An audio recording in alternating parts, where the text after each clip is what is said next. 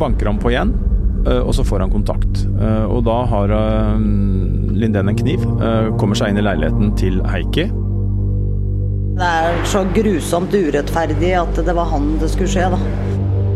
Når vi som sakkyndige er i tvil, er vedkommende syk, så er det faktisk en litt snål tradisjon på at da skal vi vurdere at han er frisk. Rettssaken mot Machiavelli Lindén er i gang. Han står tiltalt for drapet på 24 år gamle Heikki Bjørklund Palto. Drapet utløste en politijakt nedover i Europa. Men hva var det som egentlig skjedde inne i leiligheten der drapet blei begått? Blir gjerningsmannen dømt til behandling på sjukehus? Og står Machiavelli Lindén bak et drap i Belgia også? Jeg heter Tor Erling Tømt Ruud, og du hører på Krimpodden i VG.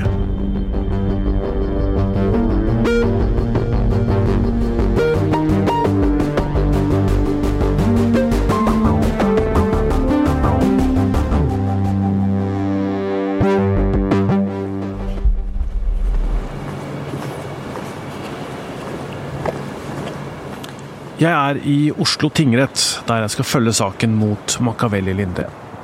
Midt i sentrum ligger bygget som rommer Norges største domstol. Den lyse bygningen ligger mellom høye hus, trikkeskinner og travle gater. Ikke langt fra Karl Johan. Inngangspartiet på bygget er overdimensjonert, som for å sette seg i respekt. Før man går inn der, så kan man raskt føle seg liten. I den største salen i andre etasje er det en annen sak som går. Rettssaken mot Laila Berthesen, som er tiltalt for flere angrep mot demokratiet, går mot slutten der, så vi skal inn i en annen sal som er mye mindre. Det er få folk som kan komme inn pga. koronatiltakene. Det er meg, og det er eh, noen andre fra pressen, og to tilskuere som ikke er parter i saken. Hei. Hei. Det store spørsmålet i denne saken er Var Machiavelli Lindén psykotisk da han drepte Heikki Bjørklund Palto? De sakkyndige som har vurdert ham, kom enstemmig, men under sterk tvil, fram til at han var strafferettslig tilregnelig i gjerningsøyeblikket. Altså ikke psykotisk da han drepte Heikki. Når vi som sakkyndige er i tvil, er vedkommende syk, så er det faktisk en litt snål tradisjon på at da skal vi vurdere at han er frisk. Han du hører nå er psykologspesialist Pål Grøndal. Han har over 20 års erfaring på dette feltet. Hos oss nå så uttaler han seg på generelt grunnlag og har ikke noe med denne saken å gjøre. Vi skal søke det normale. Vi skal heller bygge opp en argumentasjon for at man ikke er normal. Så hvis jeg har en kar som jeg syns er litt underlig, han uh, har kanskje mye depresjon, ser veldig mørkt på tilværelsen, og jeg prøver å fiske fram om det ligger noen psykotiske symptomer om verdens undergang, eller at jeg måtte drepe fordi vedkommende ikke skulle leve etter at han selv skulle leve, og sånt noe. Men jeg får ikke helt tak i det da er det at jeg må konkludere med tvil. Og når jeg da er i tvil, så skal jeg konkludere det vi kaller negativt, altså at han er frisk. I gåseøyne frisk, da. Skjønner jo at han er jo problemer, men, men frisk i rettslig og strafferettslig eh, sammenheng. Og da eh, er det faktisk rettens oppgave å gjøre det omvendte. De skal dømme til det beste for tiltalte. Og det de mener som er det beste, det er at en syk skal ikke dømmes til fengsel. En syk skal da i så fall dømmes til psykisk helsevern. Så, så, så det er de tilfellene hvor de sakkyndige har vært tvil og sagt nei, siden vi er i tvil, så er han eh, i gåseøyne frisk. Men da må altså påtalemyndigheten kanskje gardere seg nettopp for grunn av at de ser denne tvilen. Og ta inn muligheten for å dømmes til psykisk eh, helsevern, tvungent psykisk helsevern, som en sånn gardering. Og det har påtalemyndigheten gjort i denne saken, ser det ut til. Tatt hensyn til denne tvilen. Påtalemyndigheten mener at han var psykotisk i gjerningsøyeblikket, og derfor bør dømmes til tvungen psykisk helsevern. At det rett og slett ikke kan bevises i tilstrekkelig grad at han var tilregnelig under drapet. Og det er forsvareren enig i. Hvis Machiavelli Lindén var psykotisk da han drepte Heikki, skal han ikke sone i fengsel. Men får hjelp på en psykiatrisk institusjon. Det er søren ikke så lett alltid å skjønne de krumspringene som da går fram og tilbake. Mellom de sakkyndige, mellom retten, aktor, forsvarer. ikke sant. Alle har jo sine agendaer her. Så kommer Lindén inn i retten. Han har mørkeblå, høyhalsa genser. Grå olabukse. Han sitter rolig hele tida med hendene i fanget. Han har svenske tolker som kan hjelpe hvis han ikke forstår det som blir sagt, men han bruker dem ikke. Jeg sitter bakerst på tilhørerbenken. Rett foran meg, på et platå, sitter dommeren med to meddommere. Foran dem igjen sitter to sakkyndige. Machiavelli Lindén sitter mellom sine to forsvarere. Og rett overfor ham, på den andre sida av rommet, sitter foreldra til 24-åringen han står tiltalt for å ha drept. Jeg kan ikke se om blikkene deres møtes, men de titter av og til over på hverandre. Da er retten sagt. Oslo tingrett skal behandle straffesak. Før vi fortsetter i Oslo tingrett, må vi tilbake der vi endte forrige episode, i Dijon i Frankrike. Etter en flukt gjennom Europa blir altså Lindén pågrepet av fransk spesialpoliti i oktober 2018. Selve pågripelsen skal ha vært uten dramatikk. Vi starter med drapssaken på Majorstua. Ja, 20-åringen som er siktet for drapet og ranet som skjedde på Majorstuen forrige mandag, er pågrepet. Politiet Mange husker bildene av Lindén, som med håndjern og en maske over øynene blir ført inn i et rettsmøte i Dijon. De tre mennene som fører han inn, har balaklava over ansiktet for å skjule sin egen identitet. Han blir varetektsfengsla, men i varetekt oppstår det problemer. Hallo. Bonjour, je m'appelle Nora Torp Bjørnstad je vous appelle de Journal Ah, bien. Dette er den franske statsadvokaten Pascal Labon Collin. Euh, la première fois qu'il est venu Ifølge han var Lindén ekstremt farlig og vanskelig å ha med å gjøre. Statsadvokaten forteller at eh, Lindén hadde brukt vold mot politiet flere ganger, og at han i de innledende avhørene hadde oppført seg truende mot politivaktene.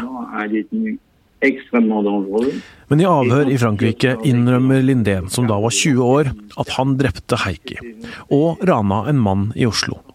Norsk politi ber raskt om utlevering av Lindén. Euh. Pascal Labon Collin forteller at de jobba med å få ham utlevert til Norge, og at han hadde hørt at slike drap var sjeldne i Norge, og at dette derfor må ha vært sjokkerende for oss nordmenn. Mens Lindén er i varetektsfengselet i Frankrike, blir han også ved en anledning funnet bevisstløs på cella si. Han blir umiddelbart overført til sykehus. Forsvarer Øystein Storvik fortalte da til VG at Lindén lå i koma i flere dager, og at det var veldig dramatisk. Årsaken til at han ble funnet bevisstløs, skal ha vært inntak av medikamenter. Det tar flere måneder før Machiavelli Lindén blir utlevert til Norge. Når det skjer, så rykker den franske statsadvokaten ut i avisene for å si at han er glad for å bli kvitt ham.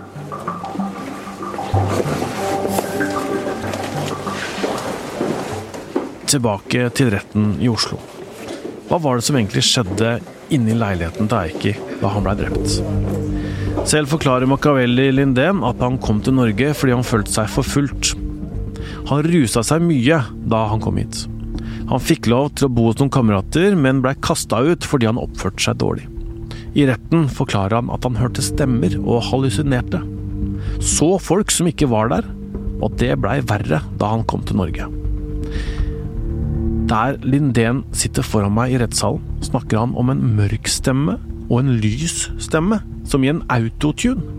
Stemmer i hodet hans, som kalte han stygge ting og fortalte hva han skulle gjøre. Etter at han blei kasta ut, så måtte han skaffe penger til å leie en leilighet, og det er derfor han gikk rundt rusa på ranstokt. Han raner en mann ved garasjeanlegget på Majorstua. Han løper fra stedet, hopper over et gjerde og kommer til en bakgård, og der er det en leilighet. Han banker på, men ingen åpner. Og Så sier han at han setter seg ned og røyker sigaretter, men så prøver han igjen. Og så banker han på igjen, og så får han kontakt. Og da har Lindén en kniv, kommer seg inn i leiligheten til Heikki. Vel inne i leiligheten så binder han man fast på en stol, eller til en stol, med en ledning. Lindén sier at han hører stemmer i hodet, og at han har tanker om at han skal få Eh, Heikki til å sove, eh, og at det nærmest er en plastpose som eh, lyser opp for ham, som han bruker som uttrykk.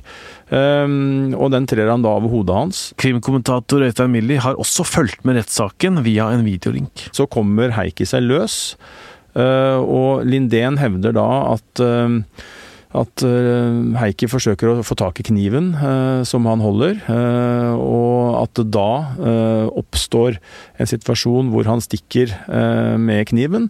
Men fra dette tidspunktet så oppfatter jeg at forklaringen hans er ganske tynn, og at han husker lite. Han sier vel at han husker, uh, erindrer at han kan ha stukket fire-fem ganger, og at Heikki er på gulvet, men, men, vi vet jo at Eh, sporene på åstedet forteller en litt annen historie. Vi vet at uh, politiet har funnet blod over store deler av leiligheten. Uh, blant annet så ble jo Lindén spurt om han dusja etter drapene fordi at man fant blodspor inne i dusjen.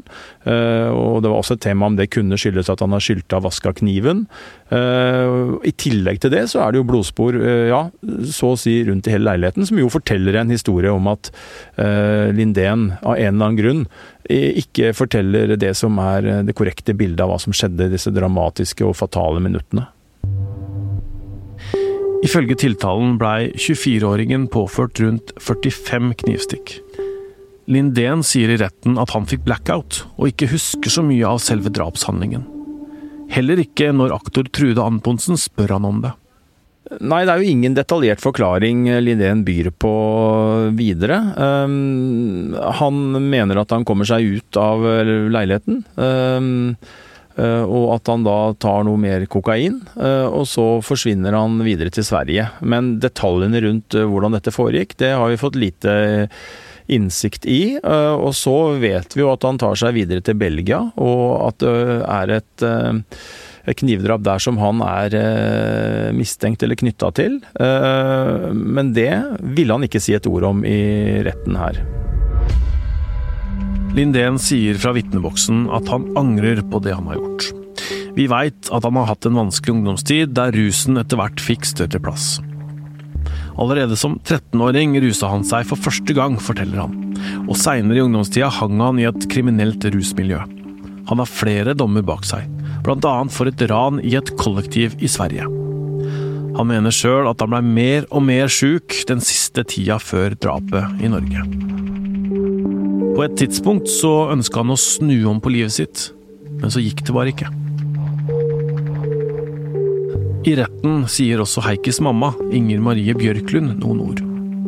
Vi får høre henne fortelle om den vanskelige tida etter at sønnen blei funnet drept. Om hvordan livet i ettertid har blitt så annerledes. Det er veldig viktig at, uh, at det ikke kommet fram på den, den fine gutten han var. Mm, Etterpå får vi prate litt med henne ute på gangen.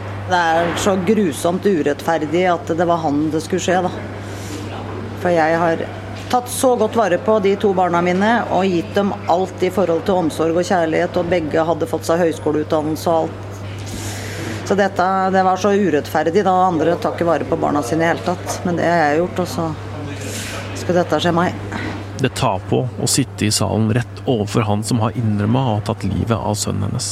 Ja, jeg, jeg, jeg, må beskytte meg. Jeg kjenner det suger. Det er ikke bra for meg å sitte og høre på han resten av dagen. Det vil jeg ikke. Jeg må beskytte meg. Jeg skal hjem og kose med hunden min holdt jeg på å si, legge meg under plettet, tror jeg. Hun mener at Lindén er farlig og må dømmes til fengsel. At tiltalte er psykisk syk, har hun ikke noe tro på. Nei, det tenker jeg at det ikke er sant, da. For det har han lært i mens han har vært i institusjoner og i psykiatrien i Norge. For der blir du lært å være sjuk. Ja, for det kan virke enda mer urettferdig at en som innrømmer å ha drept sønnen din, kanskje ikke får straff i et fengsel. Og blir noen dømt eller overført til tvungen psykisk helsevern, så kan man jo tenke seg at eh, det liksom ikke er straff. Det er jo ikke fengsel. Men så er det jo det som er hele prinsippet i Norge. Hvis man er syk i gjerningsøyeblikket, så skal man ikke straffes.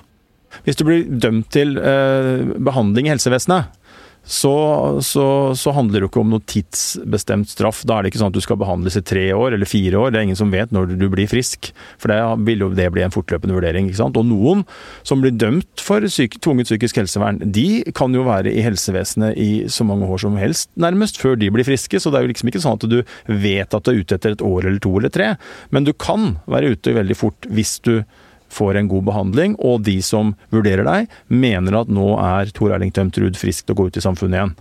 Du har jo trikkedrapssaken fra Oslo for noen år tilbake, hvor uh, gjerningsmannen ble, ble, dømt til psykisk helse, tvungen psykisk helsevern og var ute etter uh, jeg tror det var knapt to år. Uh, og som jo da selvfølgelig vekker reaksjoner. Det er ikke sjelden i drapssaker at tiltaltes psykiske helse er et tema. Psykologspesialisten Grøndal, som vi hørte i starten av denne episoden, har via store deler av sitt voksne liv til å forstå og behandle folk som har tunge psykiske lidelser. Han har snakka med mange som har begått drap. Ja, Det heter seg jo at man forsker på sine egne svakheter. Så jeg vet ikke riktig hva det forteller om meg. Det tror jeg man kan få tenke på selv. Mm. Det er så utrolig forskjellig hvordan vi er skrudd sammen. Um, når jeg sitter og snakker med en del, så, så, er det jo ikke alle jeg husker etterpå. Uh, noen gir ikke noe særlig tydelig preg, men andre har altså en historie og en måte å fremstå på. Og jeg sitter og tenker at dette får jeg til og med betalt for. Grøndal forteller at mange av dem som han snakker med og vurderer, har en vanskelig livssituasjon. Nå har jeg snakka med jeg tror jeg påstår et par hundre mennesker som har tatt liv, og, jeg syns det går igjen. De er ganske de beretter om en familiesituasjon og en tilværelse som er preget av mye kaos og misforståelser og rus og, og, og, og lite stabilitet. Men hvordan jobber de sakkyndige når de vurderer tilregnelighet? Grøndal forteller at når man blir oppnevnt som sakkyndig i en sak, får man tilsendt masse dokumenter med etterforskningsmateriale fra politiet. Det kan være tusenvis av sider. For politiet går tungt inn i disse sakene. Det er stort sett to sakkyndige som jobber uavhengig av hverandre. Og Da ser vi etter i dokumentene eh, avhørene av eh, siktede selv. Hvordan har han snakket? Eh, er han sammenhengende? Eh, kommer han med mye rart? Eh, har han, eh, er det opplysninger om tidligere historikk i psykisk helsevern? Og sånne ting. Og det er veldig varierende hvor mye vi får snakket med disse menneskene. Noen er jo pratsomme som var det. Snakker hull i hodet på deg. og da legger jeg jo veldig merke til hvordan de snakker hull i hodet på meg på. Er det sammenhengende, er det logikk, eller er det nokså frittflytende trav? Og det varierer også hvor mange samtaler vi har. Jeg prøver å sirkle meg inn ved å høre hvordan uh, Er det latenstid? Altså hvis det er altså unormalt lang tid fra jeg stiller spørsmål til vedkommende svarer. Hva kan det tyde på? Jo, det kan tyde på at det er et rikt indre mentalt liv der som, hvor det foregår ganske mange tanker og ideer og projeksjoner og Kanskje han sitter og tenker at jeg skal drepe han, eller et eller annet sånt noe. Så, så på gruppenivå så har jo mennesker med psykose de har jo et av disse tre symptomene. Hallusinasjoner, øh, sansebedrag, vrangforestillinger. Sånn at du kan si at vi går jo inn i en verden som er ganske vanskelig. Alt som er relevant for å vurdere personens tilregnelighet, skrives ned. Etter en observasjon skriver de sakkyndige en rapport eller en erklæring som legges fram i retten. Samtidig er det ikke alltid lett å oppdage at noen er syke. Og Noen ganger så må vi altså rett og slett snakke med vedkommende flere ganger før dette kommer fram. For dette er jo ofte ting som øh, Noen skjønner at det er noe gærent, noe mystisk, men det er, det er litt flaut, da. Så de vil jo ikke helt komme fram med det. Og jeg har hatt noen som har vært kjempesmarte, og som har vært utrolig flinke til å skjule hvor sjuke de egentlig har vært. Men hva vil det egentlig si å være utilregnelig? Det betyr at du har mistet øh, virkelighetsoppfatningen, og at handlingen ikke kan tilregnes deg. Og det er det som er å være utilregnelig. Du, du vet ikke riktig hva du gjør. Du skjønner ikke at det er galt, og ergo så kan du heller ikke lastes for handlingen. Men kan man fake at man er sjuk, for å slippe det som vi ser på som straff. Når folk spør meg om jeg har avslørt simulanter, så vil jeg si at det går heller kanskje den andre veien. Det er å avsløre de som er sjuke. Og få tak i det. Det finnes simulanter også, og noen har jeg avslørt, for å si det sånn. For det har vært for dumt. Men eh, det ligger i sakens natur at blir du lurt, så blir du jo faktisk lurt. Så jeg kan ikke garantere at jeg ikke har blitt lurt noen gang. Men eh, det går kanskje snarere oftere den andre veien, at folk har kanskje lurt, sånn jeg, lurt meg sånn at jeg ikke har sett at de har vært syke. Og det er egentlig der vi er engstelige for å ta feil. Det er å ikke se sykdom når det er sykdom. Og tilbake i Oslo tingrett er det nettopp det forsvarer Øystein Storvik spør om. Kan det være sånn at du bare spiller? Nei, svarer Linneve på det.